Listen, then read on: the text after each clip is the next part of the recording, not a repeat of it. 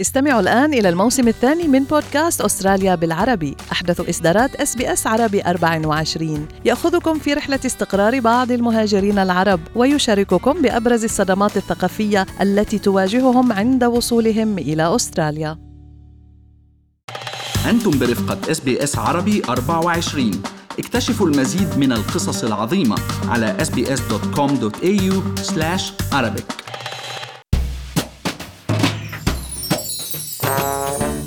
هل عمركم تساءلتوا عن طريقة عمل البنك الإسلامي في أستراليا؟ بشكل عام، البنك الإسلامي يعتمد في مبادئ عمله على اتباع تعاليم الشريعة الإسلامية، ومع ازدياد عدد المسلمين في أستراليا بالسنوات الأخيرة، زادت المطالبات بإنشاء مصرف إسلامي أو أكثر. معكم مرام إسماعيل من بودكاست لنحكي عن المال. واليوم رح نحكي أنا والمحلل الاقتصادي عبد الله عبد الله عن المصارف الإسلامية وطريقة عملها وأبرز الفوارق بينها وبين المصارف التجارية والاستثمارية التقليدية في أستراليا. بس خليني أذكركم إنه كل اللي بنقال بهاي الحلقة هو على سبيل المعلومات العامة فقط وليس نصيحة خاصة. عبد الله الفائدة على المال المحفوظ في البنوك العامة هو من الأمور التي لا تتفق مع تعاليم الدين الإسلامي ويطلق عليها في الدين بالربا. والعديد من المسلمين بأستراليا اليوم يتجنب التعامل مع البنوك المحلية بسبب هذا الأمر. صحيح مرام مزبوط. وهي هيدي اليوم وحدة من الإشكاليات يعني بالنظام المصرفي الأسترالي بالنسبة للكثير من الجالية الإسلامية آه، بأستراليا. هلأ في بعض الصناديق الاستثمارية وصناديق سوبر يلي بيقوموا باستثمارات مطابقة الشريعة الإسلامية بتبتعد عن الاستثمارات العلاقة مثلا بشركات الميسر والكحول وهي تقريبا نوعا ما شبيهة بصناديق ال ethical investment الموجودة اليوم كمان كخيار سوبر بالعديد من صناديق السوبر بأستراليا مش بس الإسلامية. في بعض كمان الصناديق الثانية آه، كمان تعتمد على الشريعة الإسلامية بتقدم خدمات قروض منازل.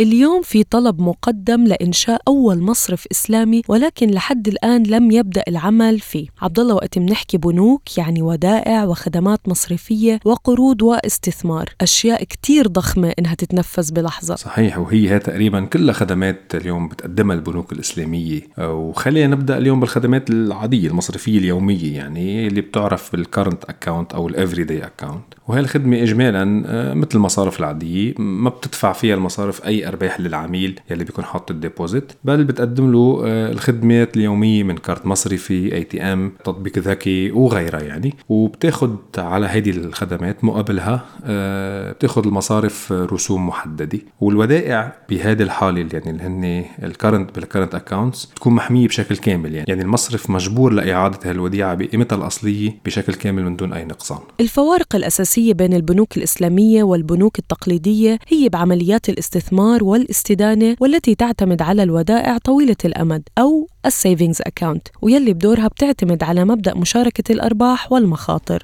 مزبوط. ويمكن الوديعة أنها تخسر من قيمتها الأساسية إذا مثلا الاستثمار المرتبط فيها خسر وأكيد يعني بتزيد قيمتها عن توزيع الأرباح. هذا النموذج اليوم شبيه بالاستثمار بأسهم الشركات. يعني أنه المودعين يعتبروا مساهمين بالبنك أو ال shareholders. ومبدئيا الأرباح الموزعة بتكون غير مضمون مضمونة مسبقا يعني رغم إنه بيتم الاتفاق على نسب نسب أرباح وخسائر بين المودع والمصرف يعني بعكس الفوائد الثابتة يلي بتدفعها البنوك التجارية التقليدية على الودائع الثابتة ال saving accounts يلي بتكون بأجل ثابت ومحدد ومضمون. هلأ آه، بطبيعة الحال مثل ما كنا عم نقول الربح غير مضمون بحالات البنوك الإسلامية. يعني المودع أو اللي هن نفس المودعين يعتبروا مستثمرين يوافقون مسبقا على مشاركة المخاطر مع المصرف. وفي عدة طرق لإدارة العمليات الاستثمارية وتمويل القروض وإدارة العلاقة من بين المستثمرين أو المودعين من جهة والبنك الإسلامي والزبائن التي تتطلب التمويل من جهة أخرى وهي بتقوم على فئتين. الفئة الأولى بتعتمد على مشاركة الأرباح ومنها عدة أنواع مثل المضاربة والمشاركة والإجارة أو الليسينج. صحيح الفئة الثانية بتعتمد على تمويل القروض أو ال debt financing يعني وهي أيضا فيها كمان عدة أنواع. أول نوع هو المرابحة نوع تاني يعرف ببيع السلم والقرض الحسن يلي هو آه، من القروض يلي ما فيها فوائد دون فوائد.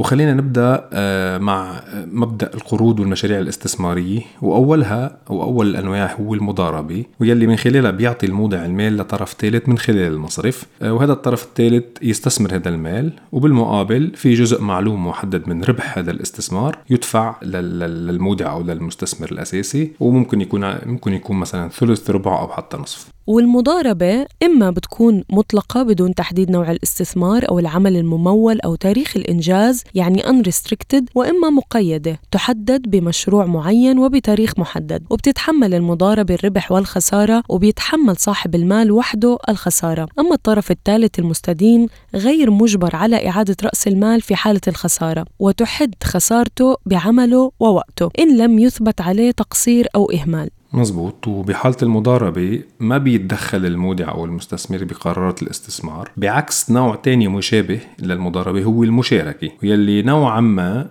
يشبه كمان ال trust funds بأستراليا. أي أنه بتتم المشاركة بين عدة أطراف على تمويل وإدارة القروض الاستثمارية. واللي بنفس مبدأ المضاربة غير ملزم الطرف الثالث لإعادة المبلغ مثل ما كان ولكن الفارق بين المضاربة والمشاركة إنه قرار إدارة الأموال أي قرار الإقراض والاستثمار ما بيتخذه المصرف وحده ولكن المودعين لهم حق يرفضوا طلب قرض أو طلب مشروع استثماري معين.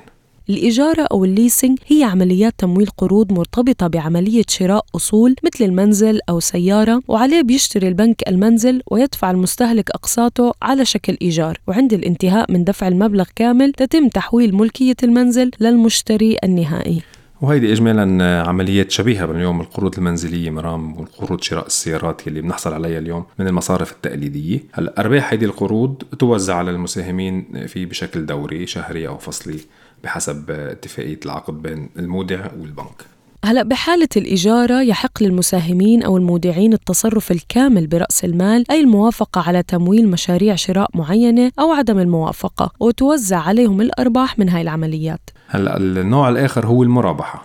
يعني وهي تعتبر مرام أكثر عمليات شيوعا اليوم بالبنوك الإسلامية ومن خلالها آه، بيشتري البنك البضائع للعميل ويلي بيقسط له هاي البضائع مقابل رسوم إضافية تعرف بالمارك اب وبيتم مشاركة الأرباح من خلال هيدي المارك مع المساهمين أو المودعين بشكل دوري كمان يعني مثل ما قلنا شهري أو فصلي أو حتى سنوي. ومثل الإجارة المساهمين والمودعين كمان عندهم حق كامل بالتصرف براس المال يعني الموافقة على تمويل عمليات شراء معينة أو عدم الموافقة. النوع الآخر هو بيع السلم أو بيع السلف وهي عملية تسليف صاحب مشروع أو مزرعة مبلغ من المال لغاية إنتاج بضاعته أو نضج مزروعاته وبيشتريها البنك بسعر أقل من القيمة السوقية فوقتها بيقدر يحقق ربح يعطي منه جزء للمودعين أو المستثمرين. أو في حالة المصانع توجد عملية شبيهة ببيع السلم يطلق عليها الاستصناع وهي هي بتخص المعامل. وقتها بياخد المعمل تمويل من البنك لشراء ماكينة معينة يحتاجها المعمل وبعدها بيقدر يسدد بعد مدة عن طريق منتجات ببيعها للبنك بسعر أقل من السوق وبيعمل البنك أرباح عند بيع هاي البضائع بالسوق. وبهالحالة اليوم يعتبر البنك هو الشاري والبائع بنفس الوقت. والطرف الثالث المستدين مجبور على تسديد القرض بشكل كامل آه على شكل بضائع يعني اللي هو تدين على أساس أنه ينتجها. بهالحالة نسبة المخاطرة بهيك أنواع من العمليات مقبولة. مقبولة بعكس المضاربة مثل ما قلنا كنا إنه المضاربة الطرف المستدين غير مجبور يرجع المبلغ يعني رأس المال غير مضمون إنه يرجع بالمضاربة. هون بحالة البيع السلف لا نوعا ما المخاطر مدروسة أكثر هلأ اليوم مرام مصادر التمويل الأخرى اللي بتعتمد عليها المصارف الإسلامية غير أموال المودعين اللي بيحطوها عندهم بيستثمروها هي عمليات تحصيل أموال الزكاة وتوزيعها على شكل القرض الحسن يعني اللي هو مثل ما قلنا هي قروض من دون فوائد أو حتى على شكل مساعدات اجتماعية. حصة البنك على شكل حصة البنك آه، من من هذه المبالغ بياخذها بحسب الشريعة الإسلامية كونه يعتبر من العاملين عليها. في نسبة معينة بتطلع له للمصرف من الزكاة على أساس أنه هو عم بيتم من خلاله إدارة عملية تحصيل الزكاة وإعادة توزيعها إذا الخيارات متعددة ويبقى أن ننتظر لنرى إن كان أحد البنوك الإسلامية سيستطيع الحصول على رخصة للبدء بالعمل بأستراليا. خليكم معنا مستمعينا في بودكاست لنحكي عن المال. لنواكب كل المستجدات اللي بتهم حياتنا المالية والعملية في أستراليا أسبوعياً. استمعوا إلى آخر إصدارات SBS عربي 24 على جميع منصات البودكاست. تابعوا بودكاست الهوية في موسمه الثاني.